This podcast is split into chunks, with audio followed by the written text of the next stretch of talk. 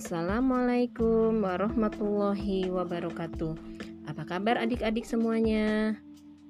Tentunya sehat semua dan tetap semangat. Hari ini pada kegiatan literasi di hari Rabu, Kamila akan mengajak kalian mendengarkan cerita yang berjudul Sobirin si Pemberani. Nah, sebelum memulai ceritanya, Yuk sama-sama membaca basmalah. Bismillahirrahmanirrahim. Oke, adik-adik. Kakak mau melihat nih semuanya sudah siap atau belum? Oke, semuanya sudah mandi tentunya ya dan sudah sarapan. Nih, Kakak ingin mengajak kalian bernyanyi dulu.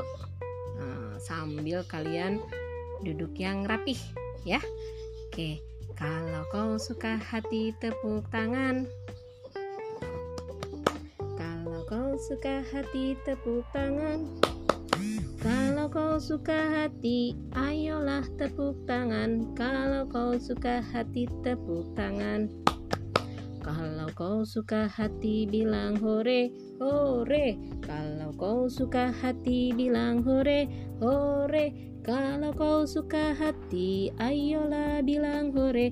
Kalau kau suka hati, bilang hore, hore. Kalau kau suka hati, duduk rapi, rapi. Kalau kau suka hati, duduk rapi, rapi. Kalau kau suka hati, ayolah duduk rapi. Kalau kau suka hati, duduk rapi, rapi. Oke, semuanya sudah rapi, sudah siap mendengar cerita dari kakak. Oke, ceritanya yaitu di suatu pagi ketika adzan subuh berkumandang, Allahu Akbar, Allahu Akbar, Allahu Akbar, Allahu Akbar, dan suara si Jalu di kandang berkokok.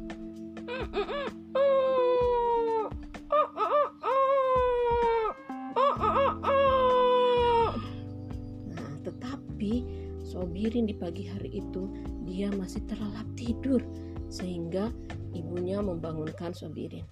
Sobirin, ayo segera bangun nak. Ayo bergegas sholat subuh. Ayahmu sudah rapi, sudah menunggumu. Sobirin malah tetap matanya terpejam. Dia tidak mau mendengar ibunya. Sampai akhirnya ibunya membangunkan kembali. Akhirnya Sobirin pun bangun. Aku masih ngantuk ibu, aku pengen tidur lagi, kata Sobirin. Tapi ibunya bilang, ayo Sobirin segera. Lihat, uh, ayahmu sudah rapi, sudah menunggumu. Akhirnya Sobirin sambil matanya masih tertutup, dia pun membaca doa bangun tidur. Bismillahirrahmanirrahim. Allahumma barik lana fima. Eh, salahku. Salah ya adik-adik. Itu kan doa apa? Itu doamu makan, doa bangun tidur seperti apa?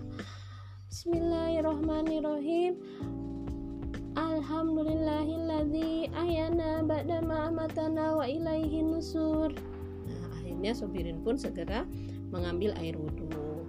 Kemudian dia bersama ayahnya pergi ke masjid untuk melaksanakan sholat subuh.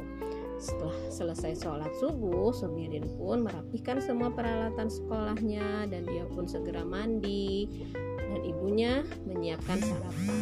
Kemudian setelah mandi memakai baju seragam dan rapi, Sobirin pun sarapan bersama dengan keluarganya. Setelah selesai sarapan, teman-teman Sobirin ada Joko, Tole, Pito, dan Bono memanggil Sobirin. Sobirin, ayo kita berangkat akhirnya Sobirin pun pamit kepada ibu dan bapaknya pergi berangkat sekolah bersama teman-temannya. Di jalan, teman-temannya menanyakan kepada Sobirin, Sob, gimana? Hari ini jadi tidak kita berenang ke gelanggang renang yang baru yang ada di kota?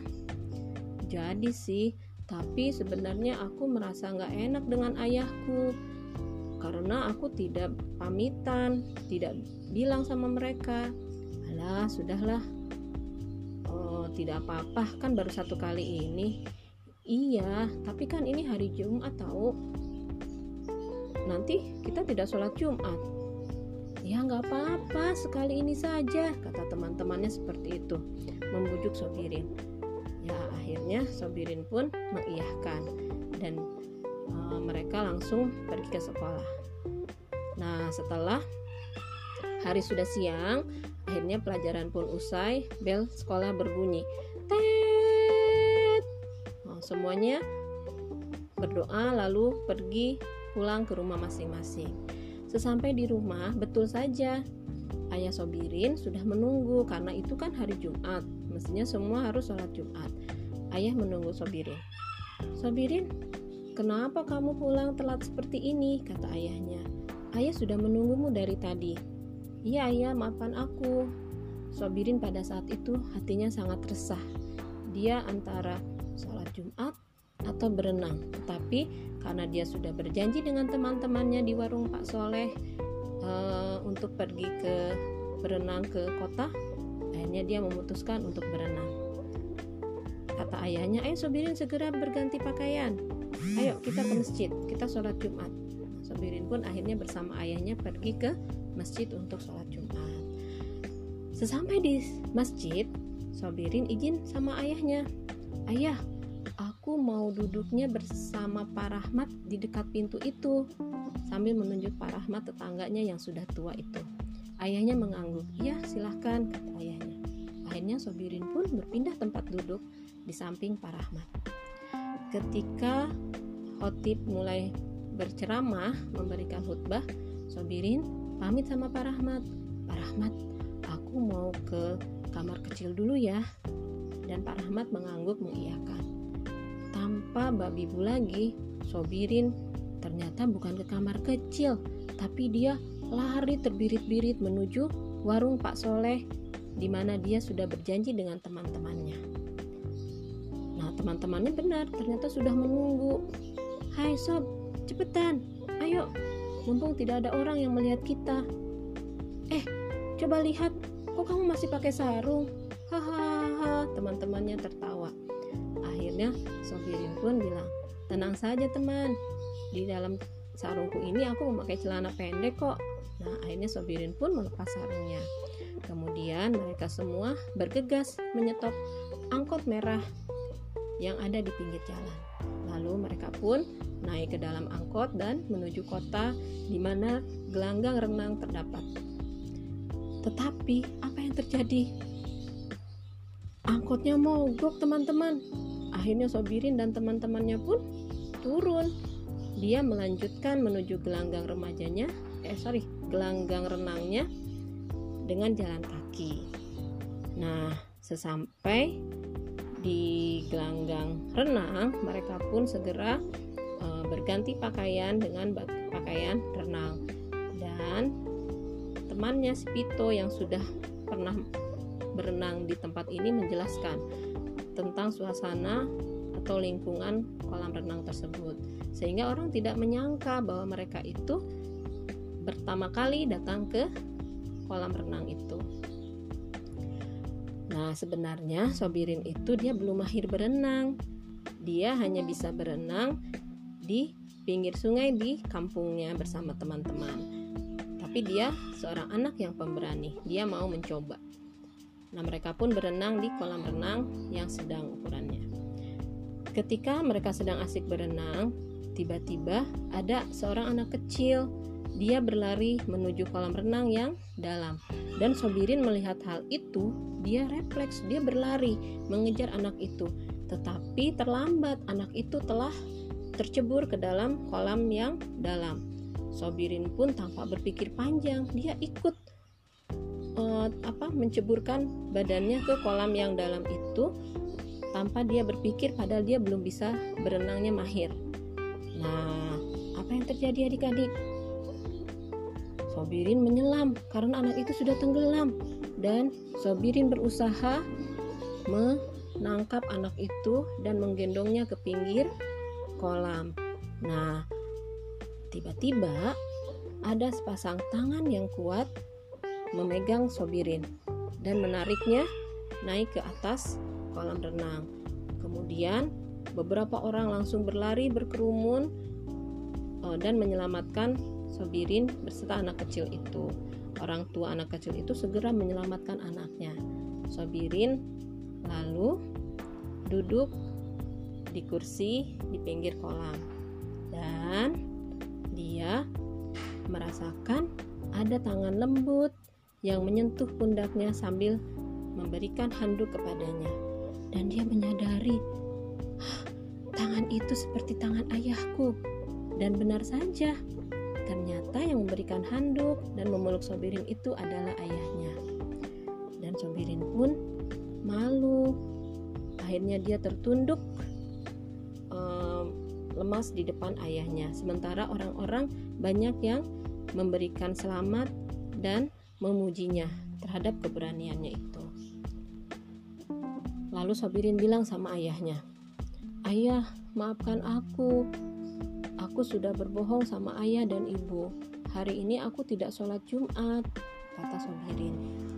Ayahnya menatap tajam, lalu bilang, Sobirin, sebenarnya kamu harus ingat, sholat Jumat itu bagi seorang laki-laki itu wajib hukumnya. Dan kita harus jujur ya dan berani mempertanggungjawabkan apa yang kita kerjakan. Ayah tidak mau kamu berbohong lagi, kata ayahnya. Sekarang ayah maafkan. Ayah tahu kamu ada di sini karena tadi setelah pulang sholat Jumat, ayah bertemu dengan ibunya Toleh. Nah, ibunya Toleh itu bercerita tanpa sengaja mendengar rencana kalian ingin berenang di kolam renang di kota. Akhirnya ayah menyusul ke sini, Nak. Dan betul, ibunya Tole juga menitipkan Tole kepada ayah supaya kalian pulang. Tapi karena kalian sudah berada di sini, ayah izinkan kalian untuk berenang semuanya. Dan ingat ya nak, sesuai dengan kesepakatan, karena kamu sudah berbohong sama ayah dan ibu, berarti kamu selama satu minggu tidak boleh main keluar. Sepakat ya, kata ayahnya. Baik ayah, sekali lagi aku minta maaf. Aku tidak akan mengulangi lagi perbuatanku, kata Sobirin. Akhirnya Sobirin pun mencium tangan ayah dan meminta maaf lagi. Lalu dia berenang kembali bersama teman-temannya. Ayahnya menunggu di pinggir kolam renang. Nah, adik-adik, selesai ceritanya. Dari situ, kita bisa mengambil hikmah atau pesan moral. Apa itu pesan moralnya? Anak yang berbohong kepada orang tuanya pasti akan mendapat ganjarannya, yaitu apa tadi Sobirin? Nah, dia sudah berbohong, akhirnya ganjarannya dia tidak boleh main dulu selama satu minggu, tidak boleh main keluar selama satu minggu. Kemudian pesan moral dari cerita tadi apa? Kita tidak boleh berbohong. Sekalinya kalau kita berbohong, orang tidak akan percaya lagi kepada kita dan jadilah anak yang pemberani yang mau menolong orang lain di kala kesulitan. Oke adik-adik, sekian cerita dari kakak, mudah-mudahan bermanfaat. Wassalamualaikum warahmatullahi wabarakatuh. Salam literasi.